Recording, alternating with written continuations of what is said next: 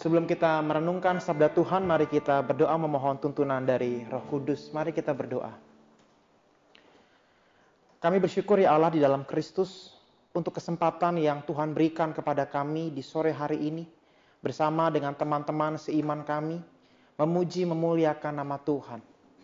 Sebentar ya Tuhan, kami akan bersama-sama membaca, merenungkan sabdamu serta mendengarkan apa yang menjadi uraian akan firman-Mu.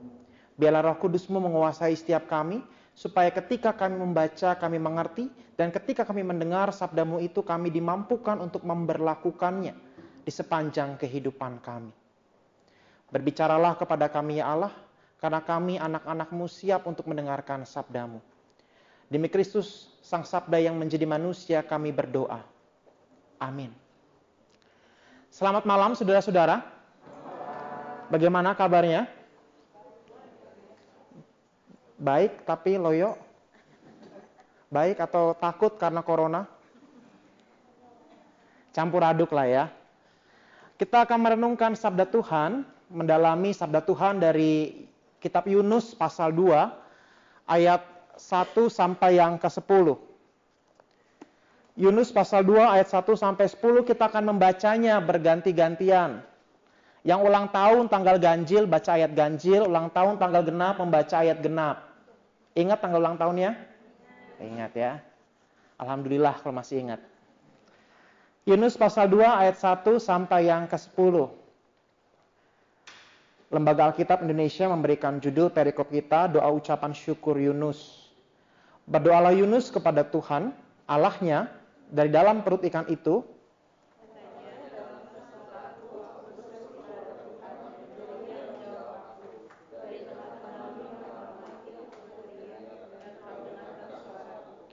Telah kau lemparkan aku ke tempat yang dalam, ke pusat lautan, lalu aku terangkum oleh arus air, segala gelora dan gelombangmu melingkupi aku.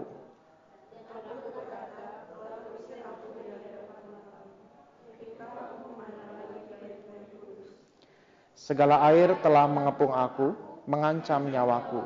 Samudra raya merangkum aku, lumut lautan membelit kepalaku.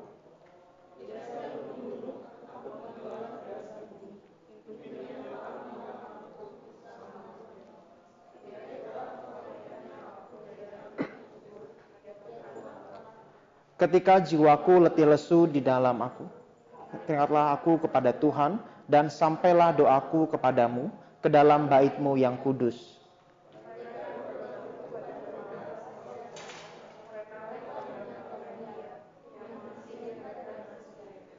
Tetapi aku dengan ucapan syukur akan kupersembahkan korban kepadamu. Apa yang kunazarkan akan kubayar, keselamatan adalah dari Tuhan.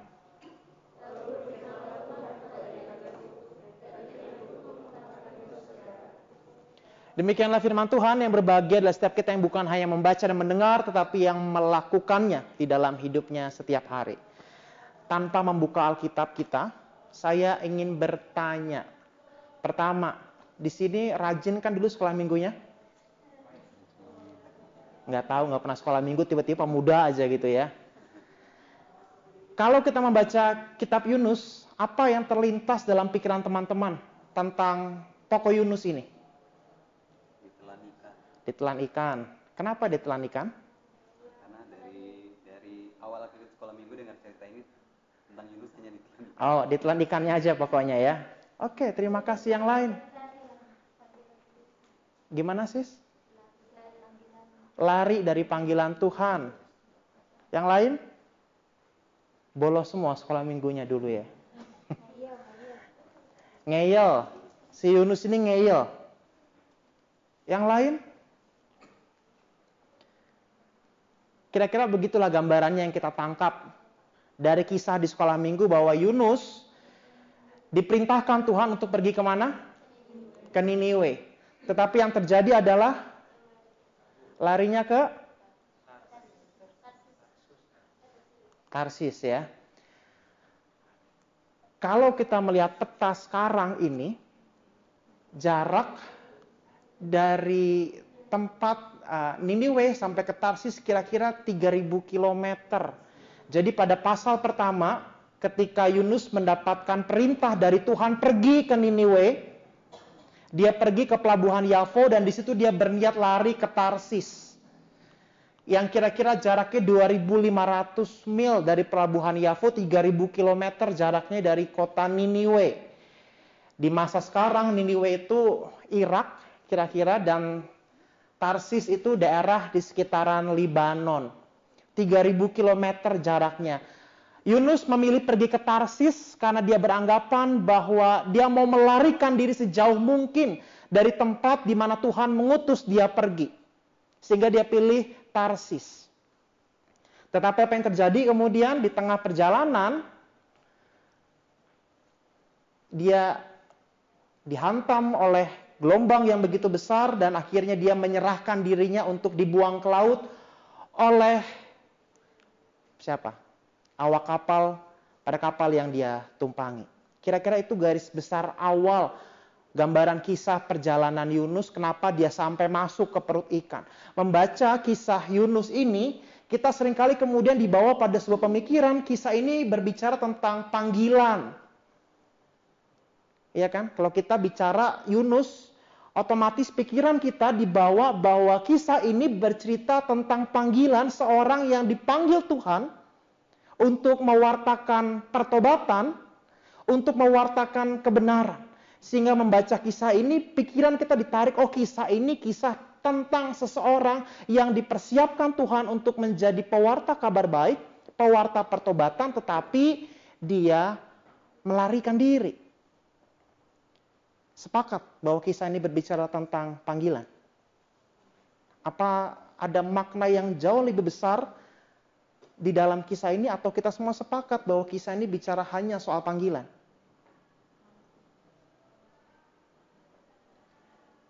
Tipikal GKI begini ditanya saat teduh. Giliran saat teduh tidur atau buka handphone. Tenang bro, nanti dapat jatahnya saat teduh kok. Sekali lagi, apakah teman-teman setuju bahwa kisah ini hanya berbicara tentang panggilan? Kenapa enggaknya mbak? ada pengampunan, ada pertobatan. Dibandingkan dengan panggilan, mana porsinya yang lebih besar dari kisah ini? Pertobatannya, pengampunannya, atau panggilannya? Pertobatannya. Karena tema kita bicara soal pertobatan soalnya ya. secara garis besar, secara umum orang-orang Kristen membaca kisah ini tentang panggilan. Dan kalau panggilan, otomatis sebagai orang Kristen kita mempersempit panggilan itu hanya berbicara soal pendeta, penatua, pelayan-pelayan di gereja. Ada teman-teman di sini yang berminat menjadi pelayan-pelayan gereja, menjadi pendeta, menjadi PPG, penuh waktu ada? Nggak ada ya, nggak terlintas. Gajinya kecil, diatur-atur jemaat pula gitu kan. Mana enak gitu kan. Realitanya memang demikian. Uh, sebuah penelitian dilakukan oleh Pew Research di Amerika tahun 2018. Respondennya usia 13 sampai 17 tahun ketika ditanya ke depannya mau jadi apa, rata-rata dari mereka pengen punya karir yang baik, menikmati kehidupan yang baik, dapat uang, kawin dan seterusnya menjadi pendeta itu kerjaan apa pula gitu kan nggak jelas cuma ngorek-ngorek Alkitab kerjanya hari Minggu diatur jemaat nggak bisa rumah gede bisnis nggak boleh gitu kan sehingga ketika berbicara panggilan panggilan menjadi sesuatu yang tidak menarik dan ketika membaca kisah Yunus, saya hampir yakin teman-teman mungkin merasa ini nggak menarik sebetulnya kisahnya. Panggilan buat apa? Nggak berminat jadi pendeta kok. Nggak minat jadi pelayan gereja, apalagi di GKI Kebayoran Baru, rese-rese jemaatnya, penatuannya rese-rese gitu. Oh enggak, di sini baik-baik lah ya. Tapi ketika bicara soal pelayanan, saya hampir yakin sebagian besar dari kita mungkin nggak terpikirkan untuk melayani penuh waktu di gereja, apa pun jabatannya. Yang kita pikirkan sebagai pemuda, sebagai remaja di masa kini, ya kehidupan kita. Punya hidup yang layak, punya gaji yang layak, punya pekerjaan yang mapan, dapat pasangan hidup, nikah, kawin, punya anak, punya rumah, dan seterusnya. Pelayanan ya isi waktu luang aja lah. Sepakat kan? Bahwa kita semua setidaknya lebih mengutamakan apa yang menjadi karir kita. Betul? Ada di sini mau cerita-cerita pengangguran gitu? Nggak ada kan? Banyak duit begitu ya. Setidaknya kita mengharapkan penghidupan yang lebih baik dululah di masa kini. Berbicara pelayanan itu nanti. Nah, kisah Yunus yang kita baca bersama-sama hari ini mengisahkan perjalanan panggilan dan pertobatannya dia. Yunus dipanggil untuk menyuarakan kebenaran dan berita pertobatan, tapi dia lari kemudian. Kenapa Yunus lari? Kenapa dia menghindari Niniwe? Hening lagi ya Allah. Kenapa Yunus lari dari Niniwe? Yes, Kak. Orang di Niniwe tidak pantas. Kenapa? Karena mereka bejat. Oke. Kita kita tampung dulu yang lain. Ini PA kan, bukan khotbah dong. Kalau PA kan interaktif. Khotbah hari Minggu. Ayo, kenapa Yunus lari dari panggilannya ke Niniwe? Takut. Takutnya kenapa, Bang? Takutnya orang-orang sana dia bilang bejat. Dia memberitain firman malah dianiaya di sini.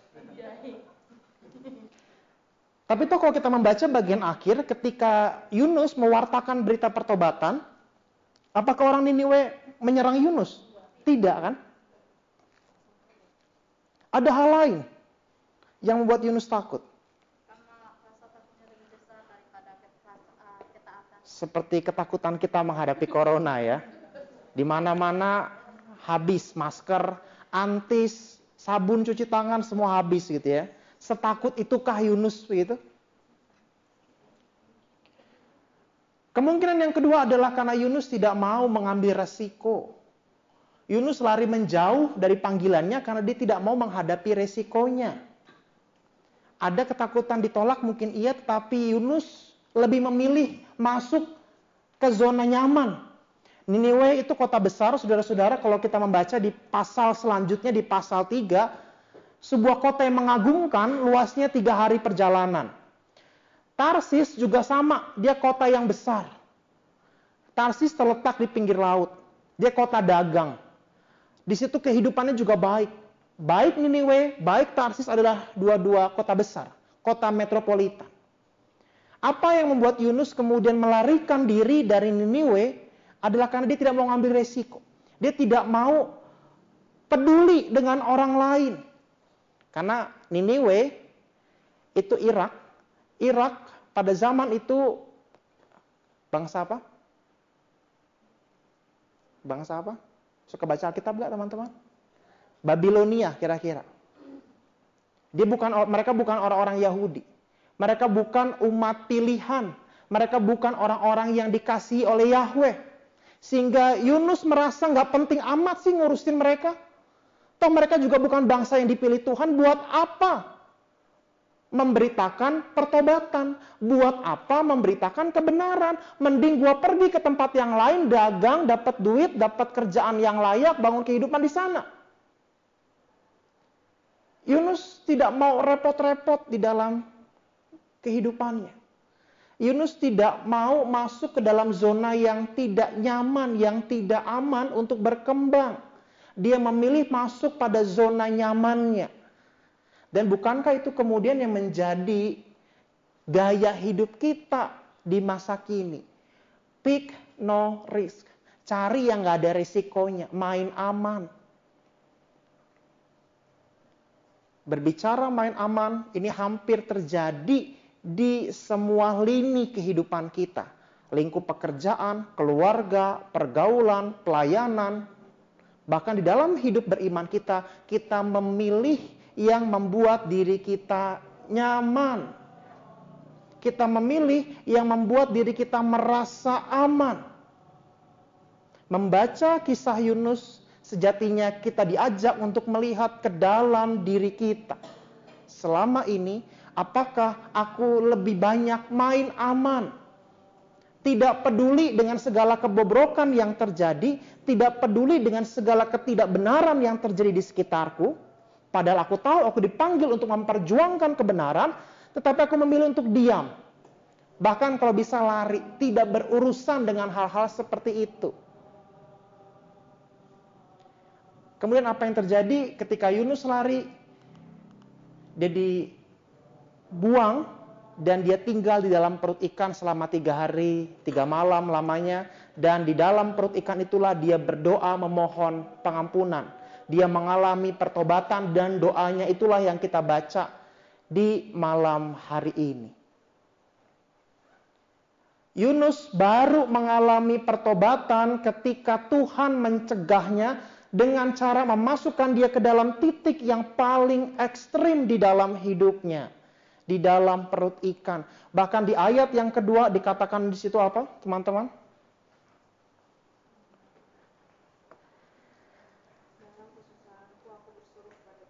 Dan ia menjawab aku dari tengah-tengah dunia orang mati. Di titik itu Yunus merasakan betul ketika seseorang mencoba lari dari Allah, itulah neraka. Neraka adalah sebuah keadaan ketika kita memilih untuk keluar dari apa apa yang Allah inginkan untuk kita kerjakan. Neraka adalah ketika kita keluar, memilih dengan sadar keluar dari kasih Allah. Dan di titik itu Yunus baru menyesal. Ketika dia berada di dalam perut ikan, di dalam lubang kubur kalau dalam bahasanya Yunus, kira-kira dia menyamakan perut ikan itu sama seperti lubang kubur. Nah pertanyaannya, mana yang lebih mengerikan? Yunus atau ikan besar? Kalau teman-teman mengimajinasikan kisah Yunus ini. Hah? Yunus atau ikan besar? Mana yang mengerikan? Ikan besarnya ya. Kenapa ikan besar itu mengerikan? Kita bisa mati gitu ya karena ikan itu. Tetapi kalau teman-teman membaca secara simbolik kisah ini, maka ikan besar itu sejatinya adalah cerminan bagaimana Yunus hidup seharusnya. Ikan besar itu kalau kita membaca bagian satu bagian sebelum pasal 2 ayat 1 di ayat pasal 1 ayat yang ke-17 dikatakan, maka atas penentuan Tuhan datanglah seekor ikan besar yang menelan Yunus dan Yunus tinggal di dalam perut ikan itu tiga hari tiga malam lamanya. Lalu di pasal 2 ayat yang ke-10, lalu berfirmanlah Tuhan kepada ikan itu dan ikan itu pun memuntahkan Yunus ke darat. Yang paling mengerikan di sini adalah ketika seorang Kristen mengaku mengasihi Tuhan, kita baca pasal 1 ayat yang ke-9. Apa, apa uh, perkataan Yunus di pasal 1 ayat yang ke-9 itu teman-teman?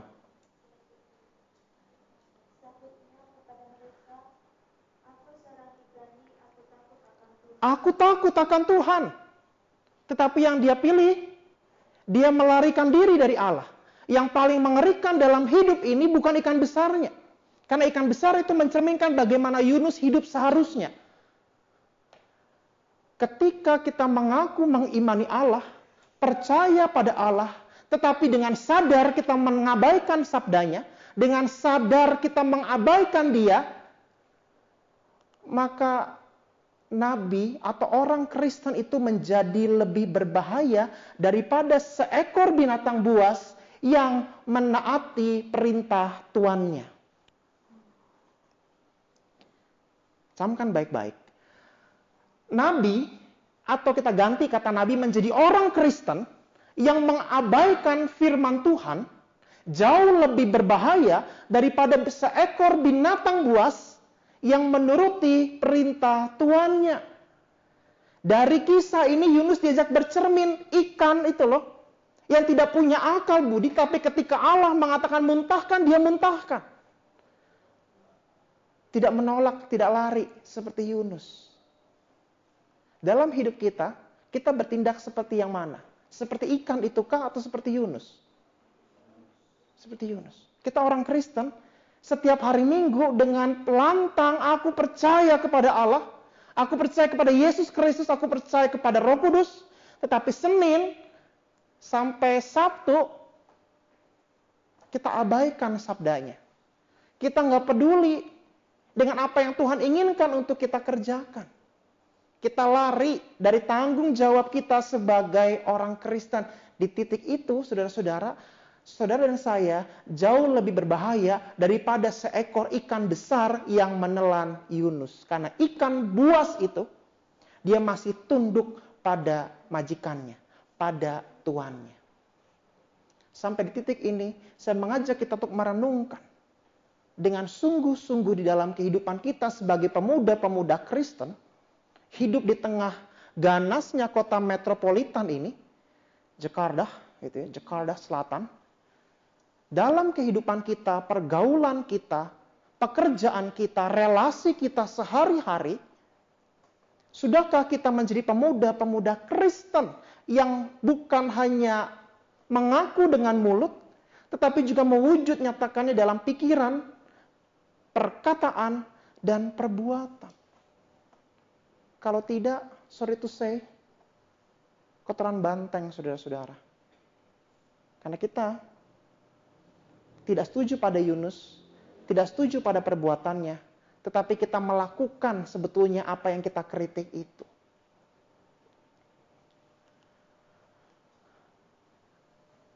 Dalam kisah Yunus ini, ini kisah yang sangat menarik gitu ya. Hanya empat pasal, tetapi kisah ini disajikan dengan begitu manis begitu. Dengan hal-hal yang tidak disangka-sangka. Kalau tadi kita melihat pada sosok Yunus, sekarang kita bergerak sedikit melihat gambaran Allah dalam kitab Yunus itu gambaran Allah yang seperti apa sih? Kalau menurut teman-teman gambaran Allah dalam kitab Yunus itu gambaran Allah yang bagaimana?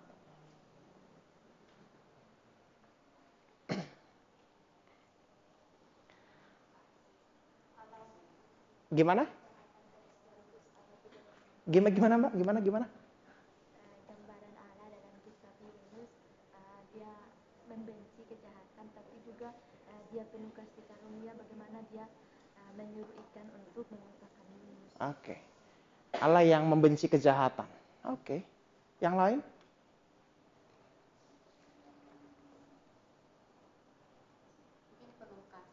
Allah yang penuh kasih, oke. Pengampun. Allah yang mengampuni, oke. Ada lagi? Ada lagi? Oke, gambaran Allah yang pertama adalah Allah yang mengasihi semua orang. Ini terlihat jelas di pasal yang pertama ketika Allah menyuruh Yunus pergi ke Niniwe. Niniwe jelas bukan bangsa Israel, bukan umat yang mengenal Taurat, tetapi kepada bangsa itu Allah mengutus Yunus. Yang kedua, ketika Allah mendengar seru doa dari awak kapal, awak kapal yang ditumpangi oleh Yunus. Tahu dari mana bahwa mereka itu bukan orang-orang yang mengenal Yahweh, yang mengenal Taurat, dari per, pernyataan mereka di ayatnya yang keenam. Dia mengatakan, mereka mengatakan kepada Yunus, bangunlah, berserulah kepada Allahmu. Dari kalimat ini menunjukkan perbedaan iman antara Yunus dengan awak kapal. Allahmu, bukan Allahku. Bukan Allah kami, bukan Allah kita, tapi Allahmu.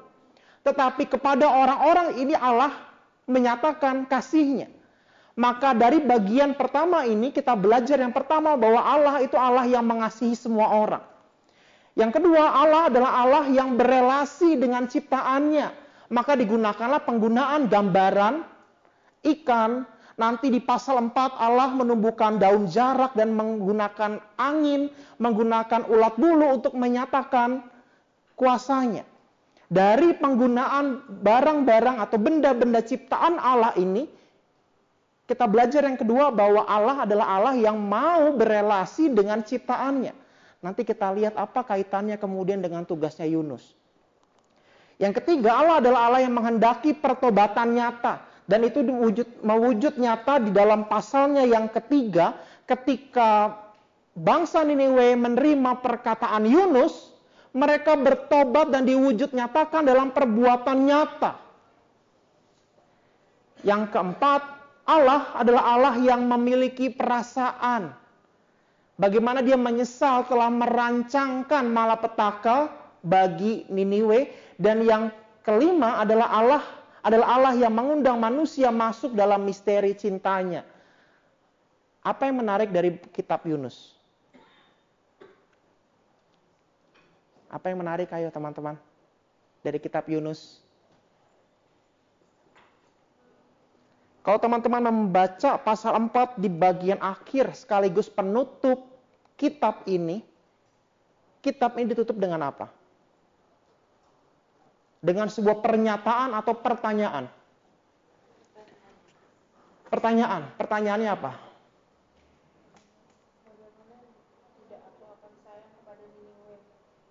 Bagaimana tidak aku akan sayang kepada Ninewe, kota yang besar itu yang berpenduduk lebih dari 120 ribu orang yang semuanya tidak tahu membedakan tangan kanan dari tangan kiri dengan ternaknya yang banyak. Sebuah pertanyaan retoris dari Allah kepada Yunus ditutup dengan sebuah pertanyaan. Kalau Allah mengasihi Niniwe, sekalipun mereka bukan bangsa yang mengenal Yahweh, Mengapa kamu tidak, Yunus? Maka Allah adalah Allah yang mengundang manusia untuk masuk di dalam misteri cintanya. Maksudnya apa? Seringkali dalam kehidupan ini teman-teman, kita nggak tahu kenapa sering banget dikelilingin oleh orang-orang yang menyebalkan. Oleh sistem pekerjaan yang sangat kita benci mungkin. Dengan aturan-aturan yang sangat tidak menyenangkan dengan cara hidup lingkungan yang begitu menjijikkan mungkin. Dengan segala ketidakadilan dan diskriminasi di dalamnya. Kita mungkin bertanya, kenapa Tuhan menghadirkan kita di lingkungan seperti itu? Ada yang bisa menjawab? Kenapa? Teman-teman kan rata-rata di dunia kerja ya. Dunia kerja itu selalu dinamis dengan segala hal-hal yang tidak menyenangkan lebih dominan daripada yang menyenangkannya atau mungkin di dalam lingkungan keluarga kita, pergaulan kita, pelayanan kita, mungkin ada hal-hal yang tidak menyenangkan. Pertanyaannya mengapa? mengapa teman-teman? Gue capek ngomong mulu, gantian lo yang ngomong sekarang.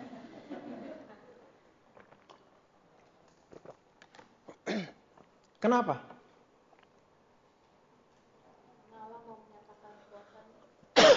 Allah mau menyatakan kuasanya bagaimana? Ya, dari segala hal yang menyebalkan itu, uh, ya sama kayak apa yang Yunus alami gitu ya, ada ada hal yang menekan dia, yang yang membuat dia merasa ketakutan atau yang akhirnya akhirnya pun membentuk dia gitu kan. Okay. Tapi pada akhirnya itu pun yang membawa dia dalam uh, sukacita di akhirnya gitu. Jadi ya kayak yang teman-teman tadi cerita semua juga semua hal yang mendesak mereka misalnya kayak Keisha gitu tadi enam bulan yang sebelumnya dia berderai-derai mm -hmm. tapi Tuhan kasih kebalikannya di enam bulan berikutnya dan itu jadi kesaksian buat orang lain. Jadi ya itu. Tuhan menyatakan kuasanya melalui hal-hal yang tidak menyenangkan itu. Terima kasih. Yang lain? Yes. Kenapa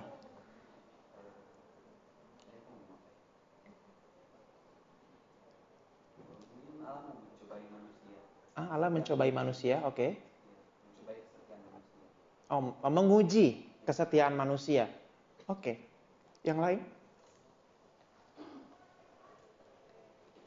Yes.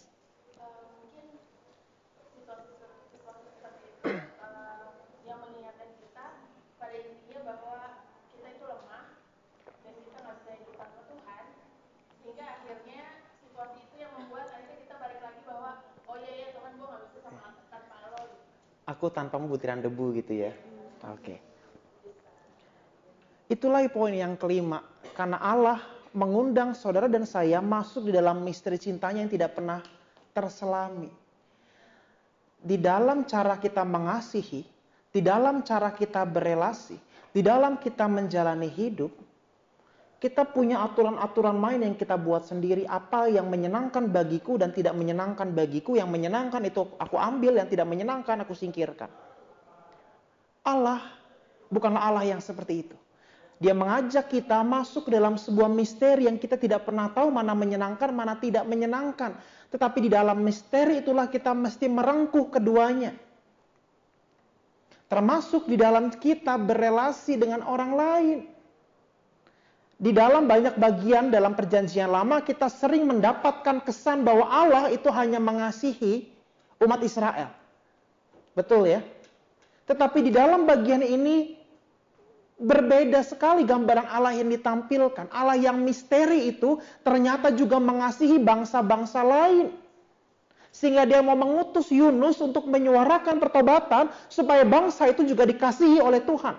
Dan semakin dikasihi oleh Tuhan di dalam kita menjalani hidup, mari kita melihat juga kembali dalam diri kita. Sudahkah aku dalam segala keterbatasan diriku ini membuka diriku bagi kehadiran orang lain yang mungkin tidak menyenangkan dan aku berkarya di situ untuk menyuarakan kebenaran. Saudara, sering kali kita lupa bahwa sebagai orang Kristen kita punya tugas untuk menyatakan kebenaran untuk menyatakan pertobatan. Tapi pertobatan atau kebenaran yang dimaksud bukan mengkonversi orang menjadi Kristen, enggak. Jangan salah. Dalam amanat agung sering kali kita membypass amanat Tuhan Yesus itu dalam perintah yang ketiga, baptiskanlah. Sehingga berbicara soal menyatakan kebenaran, menyatakan pertobatan, pikiran kita langsung diarahkan, oh berarti gue harus mengkonversi orang nih. Dari yang tidak mengenal Kristus menjadi mengenal Kristus. Betul? Apakah seperti itu? Tidak. Jawabnya tentu tidak. Kalau teman-teman nanti membaca di rumah, ketika bangsa Niniwe itu bertobat, apakah kemudian mereka langsung menjadi orang-orang yang beragama Yahudi? Tidak tetapi perubahan sikap hidup, perubahan cara hidup itu yang Allah kehendaki daripada menjadi umatnya tetapi kehidupannya bejat. Dan sering kali kita lupa bahwa kita punya tugas itu untuk menyuarakan kebenaran di tempat di mana ketidakbenaran itu ada. Kita diutus untuk menjadi saluran atau berita pertobatan di tengah-tengah lingkungan yang bobrok secara moral. Itu panggilan kita.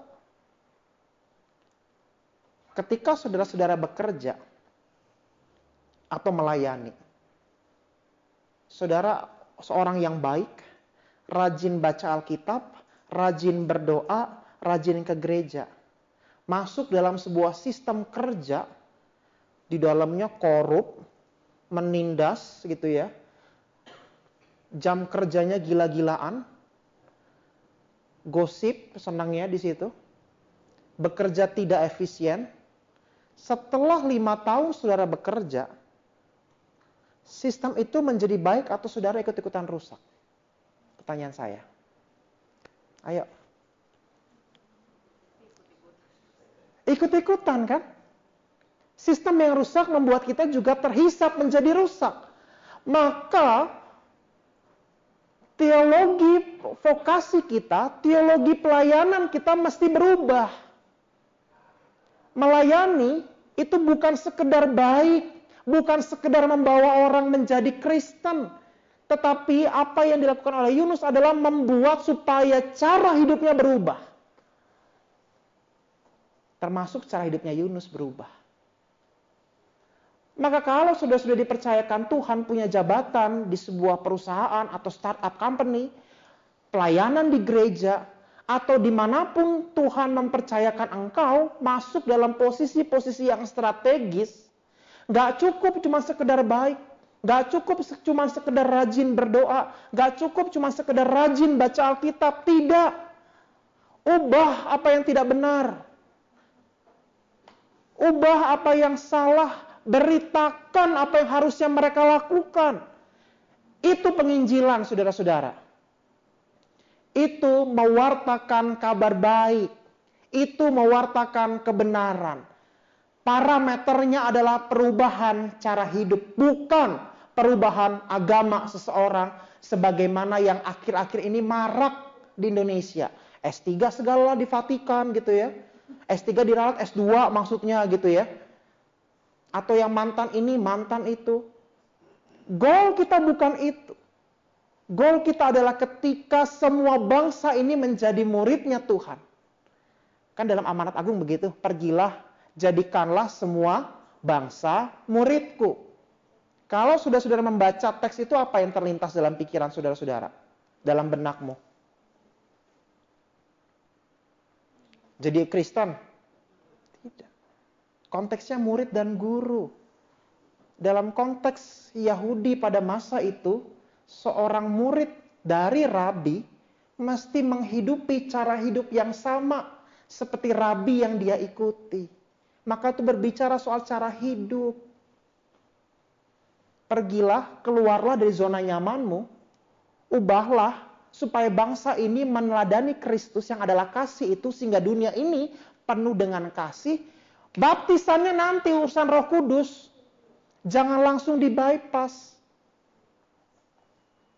Sehingga kalau kita membaca ayat itu dengan pola pikir yang demikian, Tugas penginjilan itu bukan hanya dilimpahkan oleh gereja, tetapi juga engkau di dalam dunia pekerjaanmu, di dalam pergaulanmu, di dalam keluargamu, di mana pun Tuhan menghadirkan engkau. Berbicara soal panggilan, itu nggak hanya soal jabatan pendeta, penatua, jabatan setiap kita. Tugas kita, perutusan kita maka ketika kita mengatakan aku mengasihi Allah, itu sepaket dengan Allah yang mengundang kita masuk dalam misteri cintanya, di mana saudara dan saya dipanggil untuk mencintai kehidupan ini. Dengan cara apa? Kalau ada yang salah, ubahlah. Ada yang tidak benar, ubahlah itu menjadi baik. Ada yang keliru, ada yang menindas, perbaiki di situ ada sistem pelayanan gereja yang membelenggu orang lain, bereskanlah itu. Cinta Tuhan berarti juga mencintai dunia ini. Tidak seperti Yunus yang mengatakan, aku orang Ibrani, aku mengasihi Tuhan, eh kabur, nggak bertanggung jawab. Bukan seperti itu. Ketika kita mengatakan aku mengasihi Allah, maka rengkuhlah dunia ini di dalam segala kekurangannya, ketidakberdayaannya, kelemahannya, supaya engkau menggarami apa yang hambar. Engkau menerangi apa yang gelap. Itu panggilan kita. Sehingga sudah-sudah dikasih Tuhan Yesus Kristus ketika kita membaca Yunus ini, kita diajak kembali untuk menyegarkan panggilan kita, janji baptis kita, janji sidi kita, ketika kita mengatakan, ya aku mau mengikuti Yesus, maka itu bukan sekedar formalitas belaka, tetapi aku mau sungguh-sungguh menjalani panggilanku bukan hidup tidak bertanggung jawab seperti Yunus yang kabur begitu saja. Saya mau mengajak kita merenungkan sebuah perkataan ini. Tertulis dalam bahasa Jawa, saudara-saudara. Ngerti lah ya, anak South Jakarta gitu kan.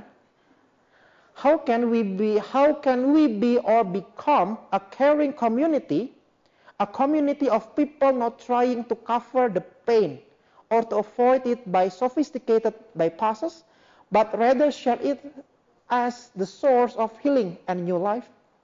It is important to realize that you cannot get a PhD in caring, that caring cannot be delegated by specialists, and that therefore nobody can be excused from caring. Still, in a society like ours, we have a strong tendency to refer to specialists when someone does not feel well. We quickly think, where can we find a doctor? When someone is confused, we easily advise him to go to a counselor. And when someone is dying, we quickly call a priest. Even when someone wants to pray, we wonder if there is a minister around. Artinya sederhananya, kita sering kali menjadi orang-orang yang tidak mau bertanggung jawab pada kehidupan yang Tuhan hadirkan di sekitar kita. Sebagaimana Yunus, Saudara mungkin sering mendengar kisah Yunus ya, dan kita banyak mungkin kesal juga sama Yunus. Eh tapi percaya gak bahwa kita sering kali melakukan apa yang Yunus lakukan, gak bertanggung jawab dengan kehidupan ini. Gak bertanggung jawab, tidak mau peduli dengan orang-orang yang Tuhan hadirkan di sekitar kita. Dan kita hidup dalam komunitas seperti itu. Saudara lebih senang ke gereja yang gak kenal orang sama sekali, atau ke gereja yang saudara disapa kanan kiri gitu. Lebih pilih yang mana? Zaman sekarang lebih suka gereja yang instan-instan aja lah, nggak perlu repot-repot, nggak perlu kenal orang gitu. Yang penting gue seneng, udah gue pulang. Dari yang paling sederhana itu menunjukkan kita tidak mau bertanggung jawab, kita tidak mau peduli pada orang lain. Kita nggak suka dengan kehadiran orang lain. Kita masa bodoh dengan orang lain. Saya punya satu student, saudara-saudara, karena saya juga mengajar di sebuah perguruan tinggi di Jakarta Selatan. Dia datang pagi-pagi ke ruangan saya, masih hangover. Luar biasa ya. Setengah mabok, malamnya mabok, pulang males, nanggung ke kampus. Masuk ke ruangan saya setengah mabok. Nggak peduli. Dan kita hidup dalam lingkungan seperti itu. Kita hidup dalam cara hidup yang demikian, yang tidak peduli dengan orang lain. Kita mengutuk Yunus, tapi kita melakukan apa yang sama di masa kini dengan cara yang ya mungkin sedikit lebih halus. Mari kita bertobat malam ini gitu ya. Kalau minjem saudara-saudara kita yang happy clappy begitu, mari sedikit bertobatlah begitu. Dari yang tidak peduli pada tanggung jawab yang Tuhan Allah berikan itu menjadi pribadi yang peduli, pribadi yang mau bertanggung jawab, pribadi yang mau membuka mata. Maka apa yang kita pelajari dari kitab Yunus ini? Yang pertama, sadarilah bahwa setiap orang punya tugas menyuarakan kebenaran. Apa pun profesi dan pekerjaannya. Apa pun pekerjaanmu, kerja di bank, kerja di startup company, kerja sebagai akuntan publik, kerja sebagai tenaga pengajar, tenaga kesehatan, engkau punya tugas menyuarakan kebenaran. Sekalipun engkau melayani di gereja, engkau punya tugas untuk menyuarakan kebenaran. Kalau ada yang salah, ubah. Jangan diam.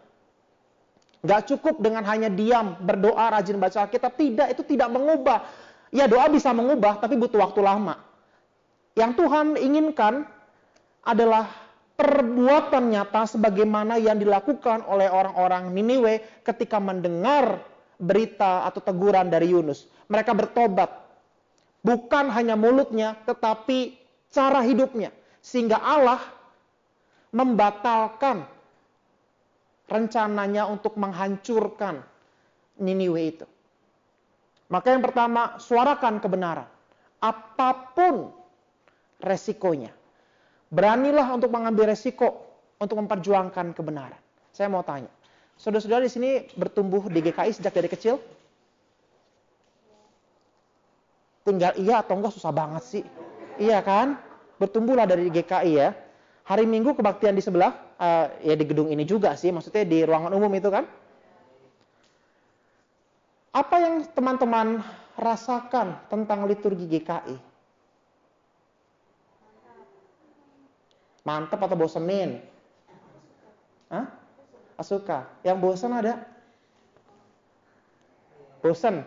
Bosan dia liturginya begitu ya. Angkat tangan aja, gue pendeta tamu kok tenang aja. Bosan ya.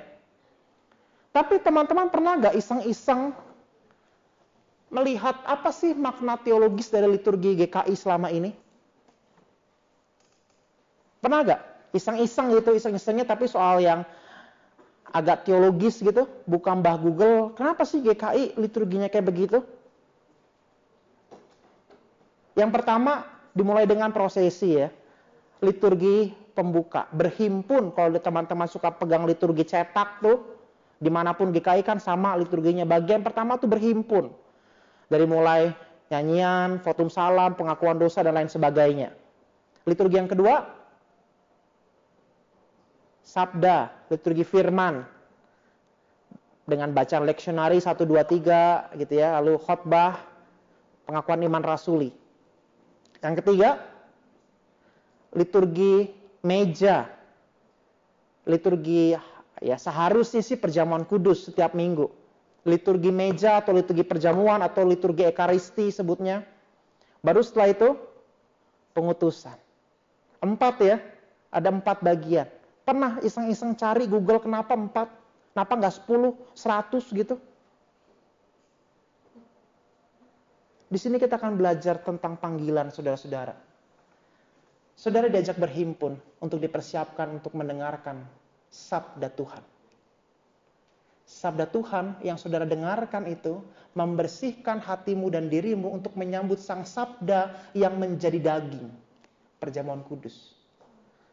Perjamuan kudus itulah yang menjadi kekuatan bagi engkau untuk mendagingkan sang sabda di kehidupanmu maka ketika di akhir ibadah pendeta akan mengatakan jadilah saksi Kristus karena engkau sudah menerima Kristus dalam sabda dan dalam daging untuk mendagingkan sabda itu di dalam sendi-sendi kehidupanmu. Maka ketika engkau datang bergereja, menggereja apa pun namanya, engkau punya tugas untuk mendagingkan sabda di mana pun Tuhan menempatkan engkau engkau bergereja, engkau menggereja, engkau datang kebaktian yang dua jam itu, bukan untuk menyenangkan telingamu. Ya betul memang pengkhotbah harus mempersiapkan khotbahnya dengan baik. Tetapi tugas utamanya adalah ketika engkau keluar dari pintu gereja, membawa sabda itu ke dalam kehidupanmu untuk menyuarakan kebenaran. Itu maknanya. Seringkali kita lupa. Kita datang ke gereja, kita menuntut ini dan itu untuk menyenangkan telinga kita. Cara beribadahnya lah dikritik, khotbahnya lah dikritik, begitu kan. Kalau pendeta nggak ada lucu-lucunya, nggak usah diundang khotbah, nggak bagus khotbahnya gitu. Khotbahnya ngantukin nggak usah diundang khotbahnya gitu ya, nggak jelas, muter-muter gitu. Tapi kita lupa bahwa kita juga punya peran yang sama untuk mendagingkan sabda itu di dalam setiap sendi-sendi kehidupanmu. Maka mengaku mengikut Kristus itu tidak bisa mengabaikan perintah untuk mewartakan kebenaran. Mengaku Yesus, mengimani Yesus sebagai Tuhan, maka kita dipanggil sepaket dengan mengikut jalannya memperjuangkan kebenaran. Bukan lepas tanggung jawab, Bukan kemudian hanya mementingkan diri sendiri, mementingkan kesenangannya sendiri. Yang penting saya selamat masuk sorga. Sudah-sudah pernah dengar adagium yang disampaikan oleh Karl Marx? Agama adalah candu. Kenapa Karl Marx sampai mengungkapkan adagium itu agama adalah candu?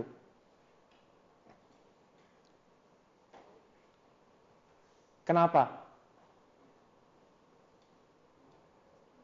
Karena Karl Marx hidup dalam sebuah konteks di mana mayoritas adalah orang-orang Protestan Calvinis.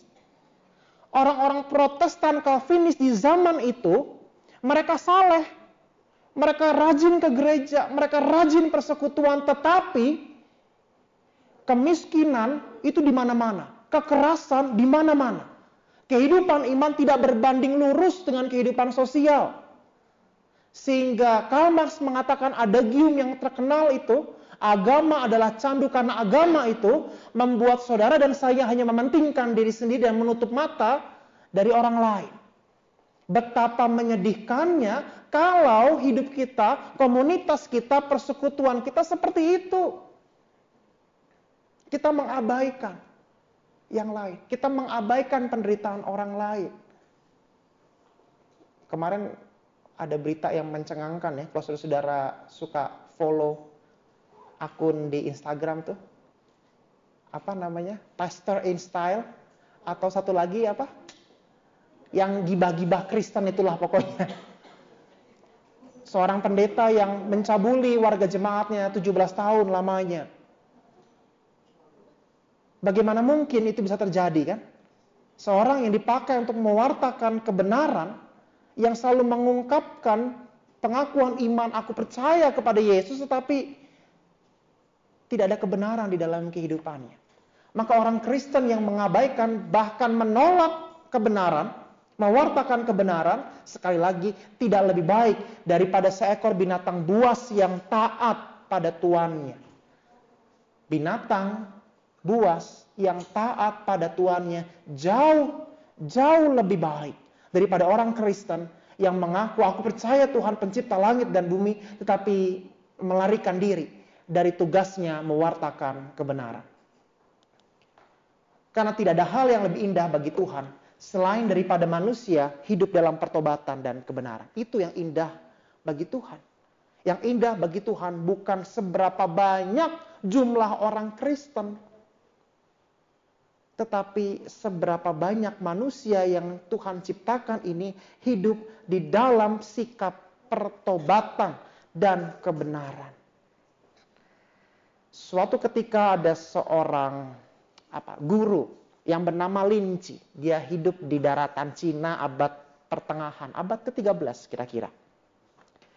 Dia terkenal oleh karena pengajarannya dan kebajikannya sehingga banyak orang mengagumi setiap kali si Linci ini mengajar, banyak orang suka mendengar pengajarannya. Berita tentang Linci ini kemudian tersiar sampai ke telinga kaisar. Kaisar pun jadi penasaran Linci ini orang yang seperti apa sih? Sehingga kaisar menyempatkan datang ke perguruannya. Di dalam perguruannya itu dia melihat ada ribuan orang datang belajar mendengarkan pengajarannya Linci. Nah, kaisar kemudian penasaran, jumlahnya berapa sih kok bisa banyak banget? Maka kaisar bertanya, eh, "Guru, ada berapa jumlah muridmu di tempat ini?" Dan dari ribuan orang itu Linci menjawab dengan santai, paling banyak lima orang. Lah yang lainnya ke mana setan memangnya? Kita tertawa, tetapi itulah kita. Kristen boleh 2 miliar. Berapa banyak atau di antara kita ada di ruangan ini yang sungguh-sungguh meneladan Kristus di dalam kehidupannya.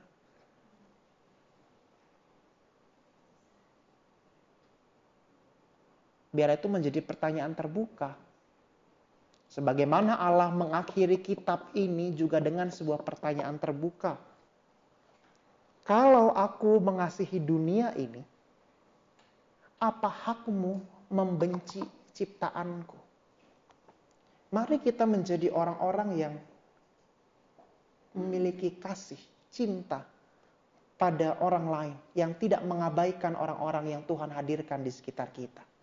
Mari kita menjadi orang-orang yang kalau ada ketidakbenaran, kita punya kepekaan untuk yuk kita beresin yang tidak benar itu. Kalau ada yang salah, yuk kita beresin. Supaya yang salah itu menjadi baik, bukan dijorokin. Ada yang salah, kita senangnya jorokin. Teman kita jatuh, bukan diangkat, kita injek. Udah injek, diludain. Dulunya dibejek lagi. Enggak. Tetapi wartakan kebenaran di situ. Wartakan cinta Tuhan di situ. Pulihkan apa yang rusak itu karena Allah mencintai pertobatan. Allah mencintai pemulihan. Jangan pernah membenci kalau ada hal-hal yang tidak nyaman di dalam hidupmu. Jangan pernah membenci. Karena Allah mengatakan, karena begitu besar cintaku pada dunia ini, pada dunia ini loh ya, bukan pada orang Kristen. Yohanes 3:16. Karena begitu besar kasih Allah, cinta Allah akan dunia ini. Allah mencintai dunia ini. Jangan membenci sekalipun hidupmu berat, orang-orang sekitarmu brengsek semua, jangan benci. Ambil resiko untuk menyatakan kebenaran di situ. Kalau ada temanmu, sahabatmu, pelakor misalnya, perebut pacar orang, laki orang, jangan karena teman Anda diam, tegur. Kalau ada teman di gereja gelapin uang, Jangan diam hanya karena teman, tegur. Kalau di kantor Anda, atasan atau supervisor Anda menindas teman sekerjamu, tegur, sampaikan di dalam kasih. Kalau ada atasanmu yang nggak beres perlakuannya, nyatakan dengan kasih. Ada teman-teman yang alkoholik,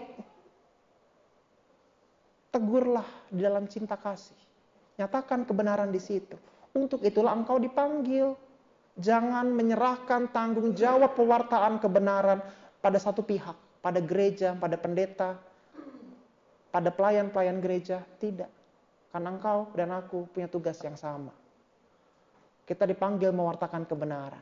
Kalau engkau mengaku percaya Yesus, percaya pada Tuhan, jangan kabur seperti Yunus. Oke, ada pertanyaan. Ini kan PA toh? Silakan Bang.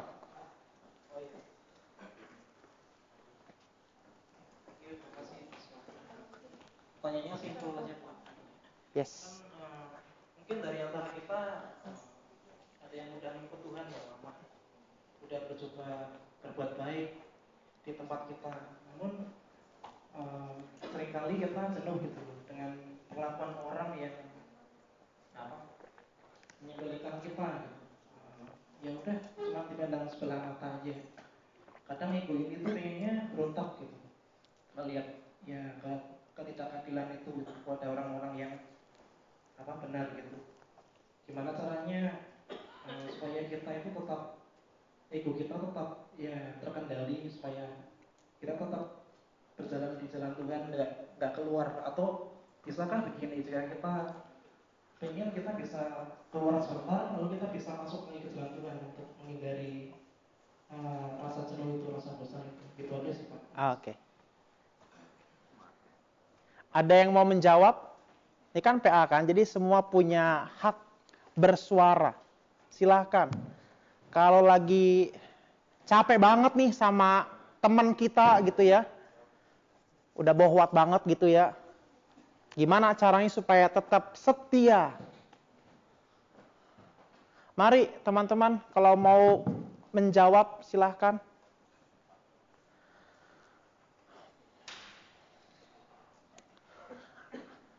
Ayolah bro, sis.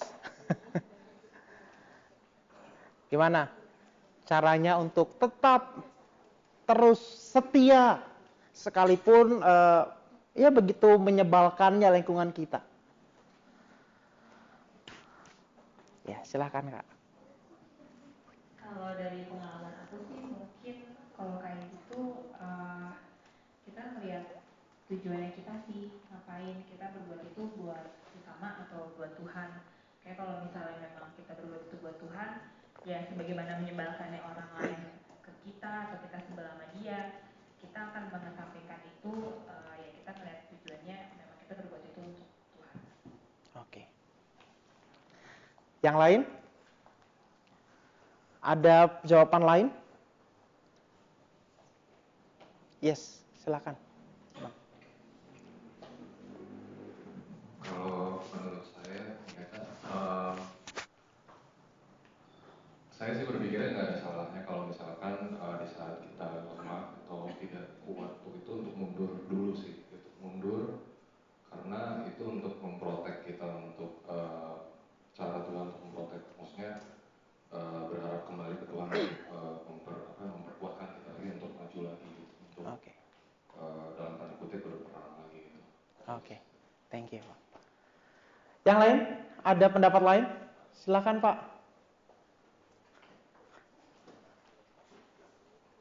Uh, terima kasih.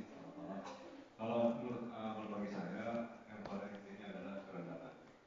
Itu adalah bagi saya itu satu kunci, hmm. satu pegangan, pedoman atau istilahnya apa ya filosofi saya.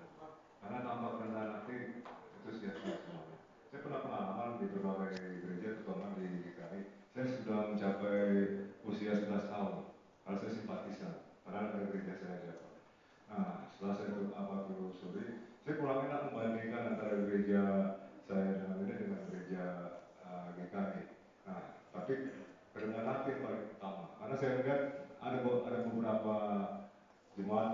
ya itu kerendahan hatinya kadang-kadang tinggi gitu sedang kayak ibarat musik saya nggak tahu musiknya musik apa gitu terus filosofinya filosofi apa gitu ya bagi saya begitu karena saya lolos semuanya dari apa nah, begitu mungkin ya kalau rezeki uh, tapi kalau hal lain ada satu yang mungkin saya tidak enak mengatakan begitu kalau itu uh, kalau kita berkenan nanti satu dengan satu kerendahan nanti satu dengan nah, itu pasti apa nah, bisa. Apalagi kalau kita diujinya dengan harta ya harta dengan manusia. Manusia itu kalau istri atau suami. Nah itu yang apa? Nah tapi kalau harta saya udah lolos tinggal manusia yang apa terima kasih. Oke terima kasih. Iya uh, bagaimana kalau kita menghadapi orang-orang yang menyebalkan? Jawabannya tadi menarik semua. Tapi saya mengajak kita kembali melihat dalam kitab Yunus di bagian akhir ketika Allah mengakhiri percakapannya dengan Yunus, kisahnya dengan Yunus dengan sebuah pertanyaan. Bukan pernyataan. Kalau per pernyataan segala sesuatunya sudah clear. Tapi dengan pertanyaan maka ada ruang terbuka. Ruang terbuka itu ada ruang bagi kita untuk sejenak hening, sejenak diam, sejenak merenungkan sehingga supaya ketika kita diam kita bisa menjawab apa yang menjadi pertanyaan Allah itu. Maka kalau kita diperhadapkan pada sebuah lingkungan yang kok nggak berubah-berubah, menyebalkan banget, jangan berputus asa. Jangan pernah merasa menyerah.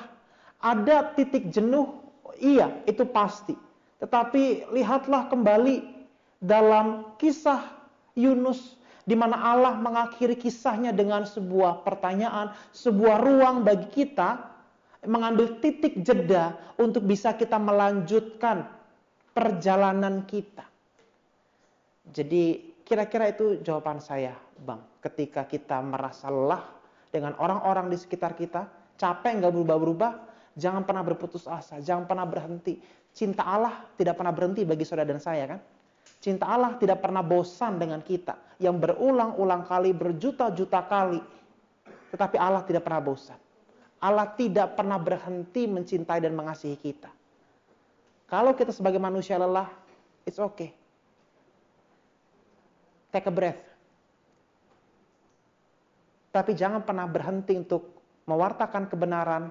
Jangan pernah berhenti untuk mengasihi orang lain serusak apa pun dia. Itu dia. Pertanyaan lagi? Dia mau bertanya, oh enggak. Ada pertanyaan, pernyataan, sharing juga boleh kalau mau sharing lagi sekarang. Biar kita lanjut sekalian sampai malam. Till drop. Till hangover juga boleh sih. yes.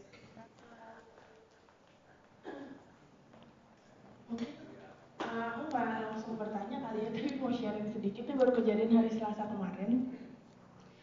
Uh, aku aku uh, aku jalan menuju gereja ini dengan seorang teman gitu ya. Lalu uh, dia ini memang punya semangat berapi-api untuk menyatakan kebenaran yang adalah menye, me, membuat orang kenal sama Kristus siapa pun dia gitu. jadi tanpa pikir-pikir lah gitu jadi sebenarnya ini udah berapa tahun dia lakukan. Cuman nggak tahu sering apa gitu ya tapi dia udah berapa kali pernah cerita gitu sama aku. Salah satunya misalnya dia lagi naik ojek gitu ya dia suka ngajak ngobrol abangnya tiba-tiba ngomongin Kristus gitu. Nah lalu kemarin ini kami naik gokar ceritanya.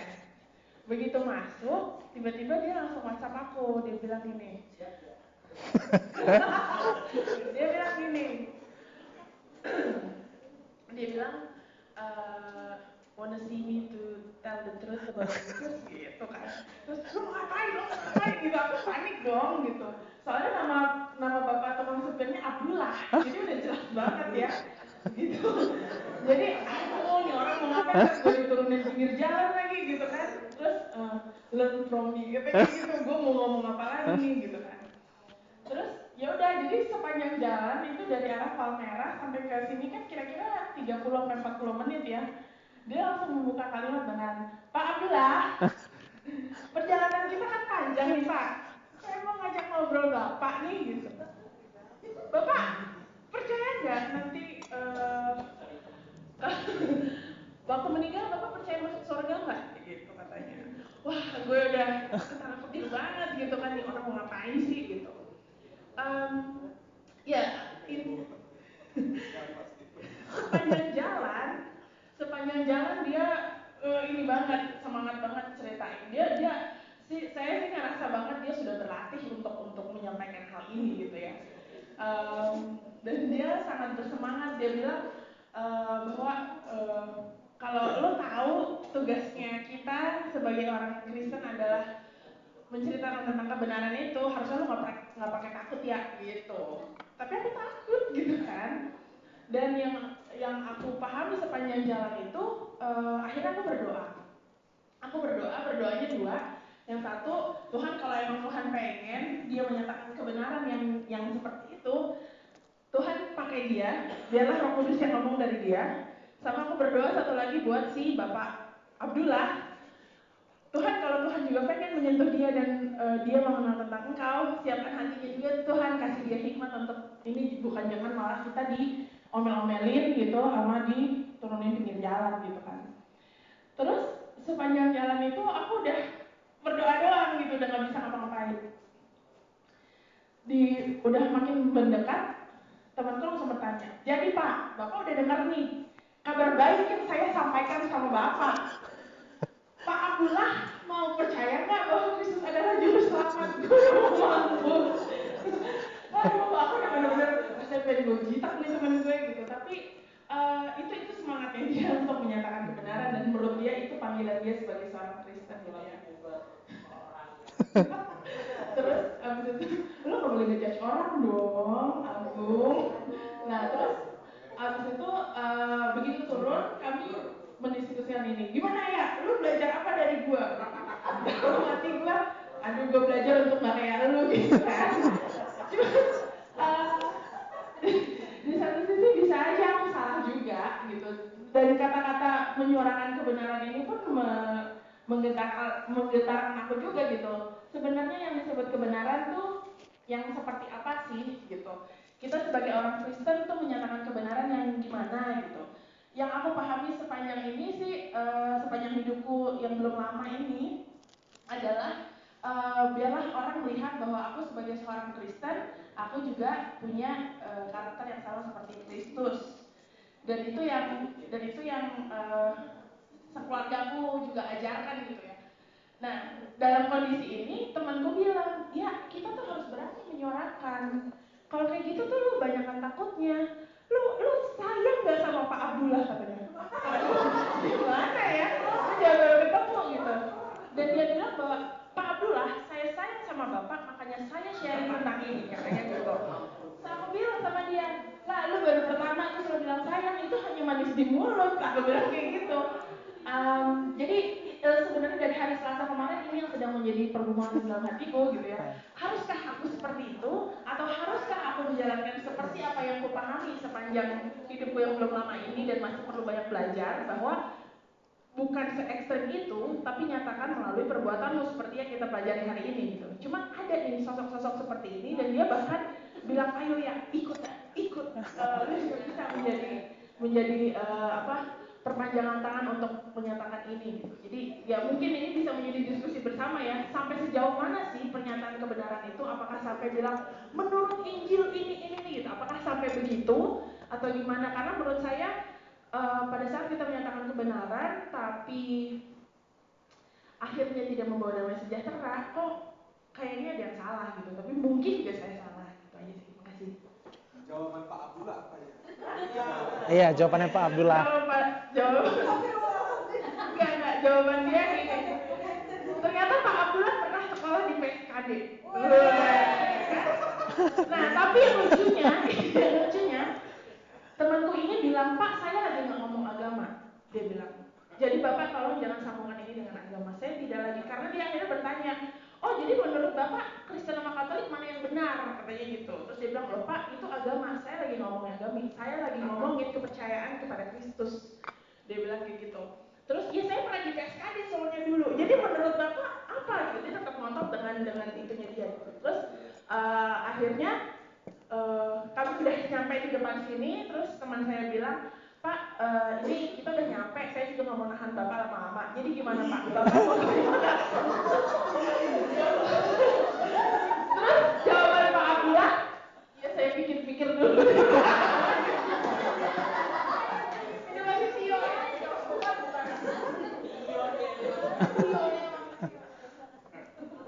Ada yang mau merespon nggak? Bagaimana tuh? Silakan, Bang.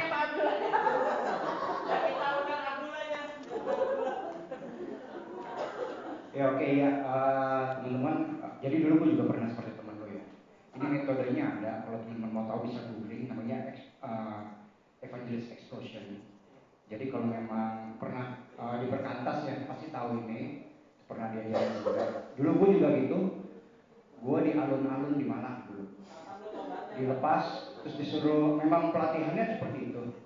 Jadi memang disuruh eh, cari orang gitu kan bersahabat dengan mereka terus memberitakan Injil dan karena kita sudah diajarin uh, layaknya seorang sales benar-benar ada step by stepnya jadi kita ngomong itu udah lancar di luar kepala kita jadi pede kadang-kadang kepedean kayak gitu kepedean terus jadi sombong sama teman sendiri kan ya eh lu mau lihat gue nggak gue gitu kan padahal sebenarnya uh, waktu itu akhirnya sih gue merasa dari diri gue sendiri juga gue yang gak nyaman gitu. Akhirnya kayak karena itu seperti apa ya? Teman-teman senang gak sih ditodong? Gitu nggak senang ditodong kan? Walaupun apa pun itu gitu. Eh, datang yang biasanya di jalan-jalan Hai kakak, apa kabar? Wah ini ini. Ternyata dari WWF misalnya gitu. atau dari jantung sehat atau apa. Kita sering ketemu yang kayak gitu aja sebel gitu kan apalagi juga terkait dengan eh, ya iman. Jadi kalau misalnya teman-teman mau belajar tentang ex- eh, evangelist exposure boleh. Tapi buat diri sendiri aja kalau aku menyarankan gitu kan. Karena memang dari situ itu pertama kalinya juga aku jadi ngerti sih eh, seperti apa sih pengorbanan Yesus Kristus seperti itu karena belajar di situ. Tapi kemudian eh, aku pribadi lebih suka seperti yang dia lakuin mungkin kita lebih contohin dari sikap kita aja lah. Di pekerjaan terus di eh, masyarakat di teman-teman kita seperti apa gitu. Dari sikap kita lah eh, mungkin orang-orang sekitar kita bisa lebih mengenal Yesus daripada kita todong mereka dengan skill dan itu memojokkan. Akan memojokkan mereka sebenarnya akan berakhir dengan ya harus ngomong iya sih. Biasanya sih gitu kemungkinan. Karena pilihannya cuma lu mau masuk surga berarti harus terima Yesus kalau nggak terima Yesus udah tahu kan resikonya apa gitu jadi seakan-akan kita maksa mereka buat menerima Yesus kayak gitu sih jadi kalau aku sih eh, ya kita contohin dengan kehidupan kita aja dengan perilaku kita sehari-hari kayak gitu sih Thank you. Oke, thank you Bang. Teman-teman ada yang mau merespon? Ayo Bang, respons Bang. Sebenarnya Pak Abdullah tuh takut di rating satu. Itu kuncinya sebenarnya. Kalau nggak, iya kan dia apa? Iya di rating satu.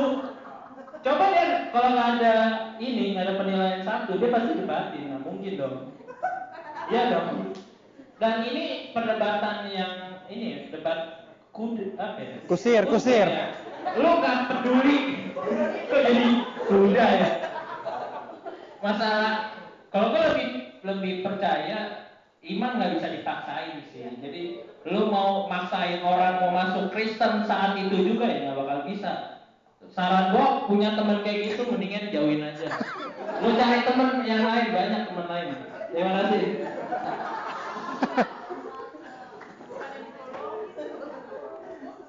Iya.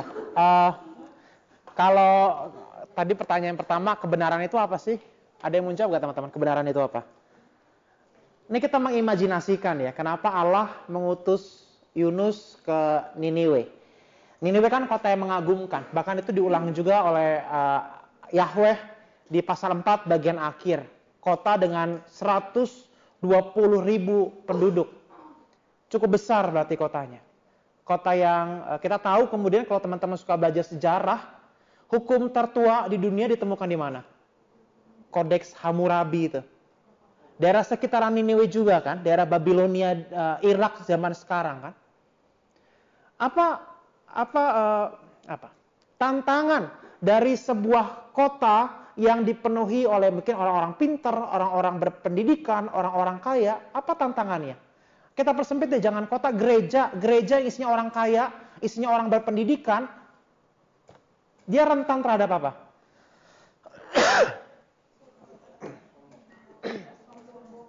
Kesombongan. Setiap orang mau menjadi raja kecil di gereja. Maka ada ada lelucon mengatakan ngasih kolekte ceban, dia bisa ngatur koster gereja. Ngasih cepeceng, dia bisa ngatur majelis. Pengurus komisi, badan pelayanan. Ngasih cetiau pendeta diatur. Kalau bisa Yesus pun diatur. Tapi nggak di sini, baik-baik kan di sini GKI Kebayoran Baru.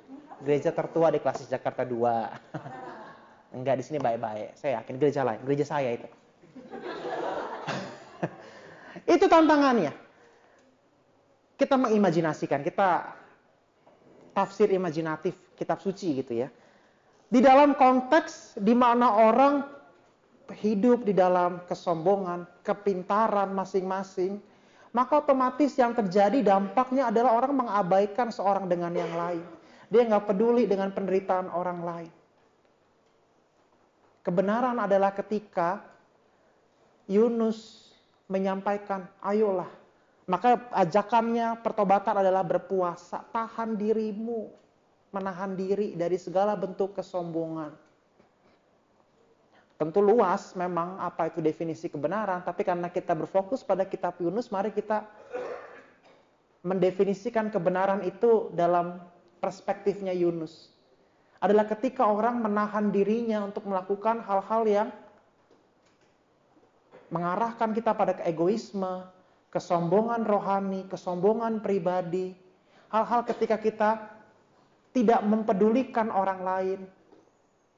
Hal-hal di mana ketika kita mengabaikan kebutuhan orang lain dan kita menyampaikan kebenaran supaya mereka berubah dari yang egois menjadi baik, murah hati, dari yang tidak peduli menjadi peduli, maka bisa dikatakan itu adalah kebenaran sekalipun kebenaran itu memang luas definisinya.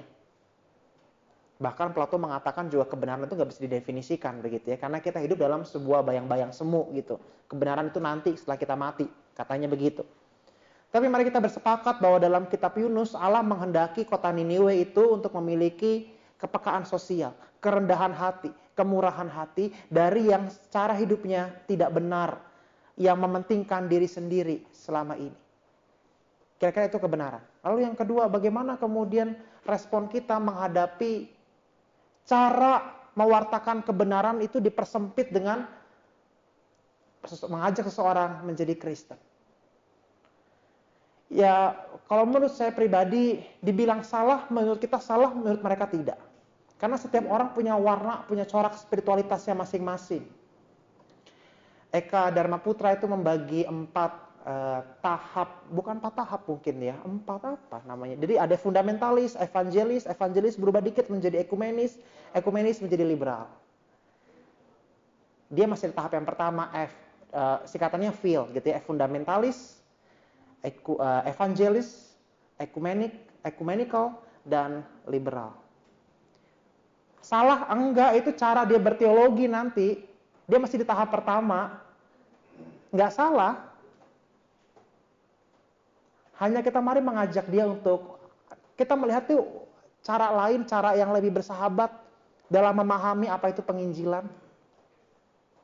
Karena Yesus sendiri mengatakan dalam Injil kan, bukan orang yang berseru Tuhan Tuhan yang masuk dalam kerajaan sorga tetapi yang melakukan kehendak Bapakku. Mari kita mengajak dia melihat bahwa bukan orang yang berseru-seru Tuhan, bukan orang yang berdoa Yesus, Yesus, Yesus setiap hari, bukan orang-orang yang cuma rajin baca Alkitab, tetapi lihatlah bahwa yang masuk dalam kerajaan surga adalah mereka yang melakukan kehendak Bapa. Apa itu kehendak Bapa? Ya, hening lagi ditanya. Apa kehendak Bapak? ya mengasihi orang lain tanpa diskriminasi, menerima orang berdosa, membalut yang terluka. Ketika aku sakit, engkau mengunjungi aku. Ketika aku lapar, engkau memberi aku makan. Ketika aku telanjang, engkau memberi aku pakaian. Ketika aku sebagai orang asing, engkau memberi aku tumpangan. Ketika aku di penjara, engkau mengunjungi aku. Bukankah itu perintah Bapa? Mana lebih membahagiakan? Membawa satu orang jadi Kristen, jadi anggota jemaat GKI Kebayoran Baru atau melihat satu keluarga yang selama ini kelaparan, yang selama ini selalu menjerit karena kebutuhan hidup yang tidak bisa terpenuhi, kemudian kita hadir, kita tolong, kata kasih pekerjaan, dan lima orang itu kemudian mendapat kehidupan yang layak, mana yang lebih membahagiakan? Ngelihat cuma satu orang dibaptis, atau melihat satu keluarga hidup sejahtera, hidup layak. Nuranimu berpihak ke yang mana?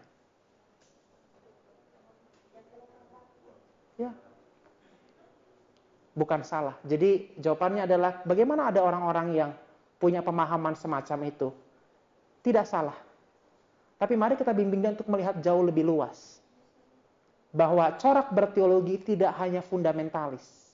Tidak hanya bahwa keselamatan itu hanya ada di dalam Kristus. Ekstra ecclesiam nulla salus. Tidak. Keselamatan itu ya haknya Tuhan. Emang kita Tuhan. Selamat nggak selamat gitu. Tuhan mencintai dunia ini kok. Kenapa kita jadi menghakimi orang lain? Mau lanjut atau pulang? Mau pertanyaan lagi? Atau? Oh sudah. Oke, jadi mari kita belajar hidup bertanggung jawab. Jangan lari dari tugasmu sebagai pemuda-pemuda Kristen Wartakan kebenaran di mana Tuhan mengutus. Cintai dunia ini, lingkunganmu, orang-orang di sekitarmu, sebobrok apa pun, serusak apa pun mereka, engkau punya tugas bukan hanya menjadi pendoa. Wartakan dengan mulutmu, wartakan dengan tanganmu, wartakan dengan kakimu. Saya mau mengakhiri dengan sebuah kutipan yang disampaikan oleh Santa Teresia de Lisieux. Dia mengatakan, Kristus tidak punya tangan di bumi kecuali tanganmu. Kristus tidak punya mata di bumi kecuali matamu. Kristus tidak punya mata, eh, tidak punya kaki di bumi kecuali kakimu. Maka jadilah kepanjangan tangan, kepanjangan mata, kepanjangan kaki, kepanjangan tubuh Kristus di dunia ini. Tuhan memberkati kita semua. Amin.